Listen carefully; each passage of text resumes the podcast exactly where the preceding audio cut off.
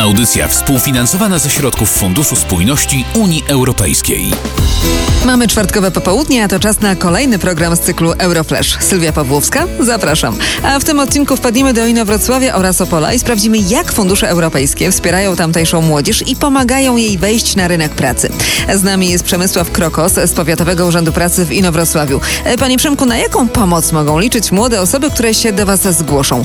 Co oferujecie? Szkolenia, staże, bony na zasiedlenie, oczywiście pośrednictwo pracy, poradnictwo zawodowe, ale również jednorazowe środki na podjęcie działalności gospodarczej, popularnie zwane dotacje i doposażenie, wyposażenie stanowiska pracy. Z tego co wiemy, młodzi ludzie najchętniej wybierają staże. Tak, ten projekt y, głównie stoi stażami, bo na 1431 osób aż 1240 osób zostanie skierowanych do odbycia stażu. Kogo w takim razie zapraszamy? Uczestnikami projektu mogą być wyłącznie osoby do 30 roku życia, oczywiście zarejestrowane w Urzędzie Pracy jako bezrobotne, czyli muszą to być osoby, które aktualnie nie pracują, nie kształcą się i nie podejmują żadnych szkoleń. E, Tyle informacji z Inowrocławia, a teraz zaglądamy do Opola, gdzie jest już z nami pani Irena Lebiedzińska, dyrektor tamtejszego Powiatowego Urzędu Pracy.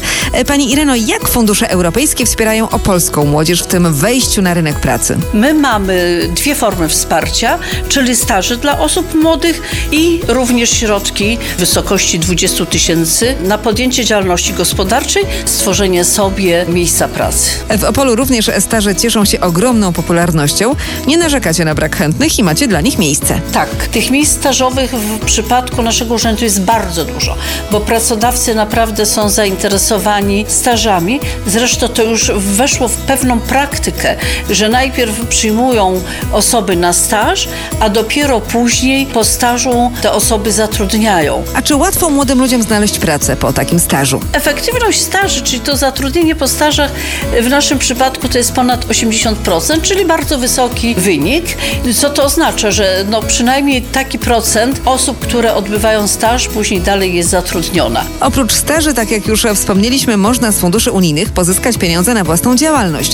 I z takiej okazji skorzystała Zuza, która dostała 20 tysięcy i otworzyła swój własny salon kosmetyczny.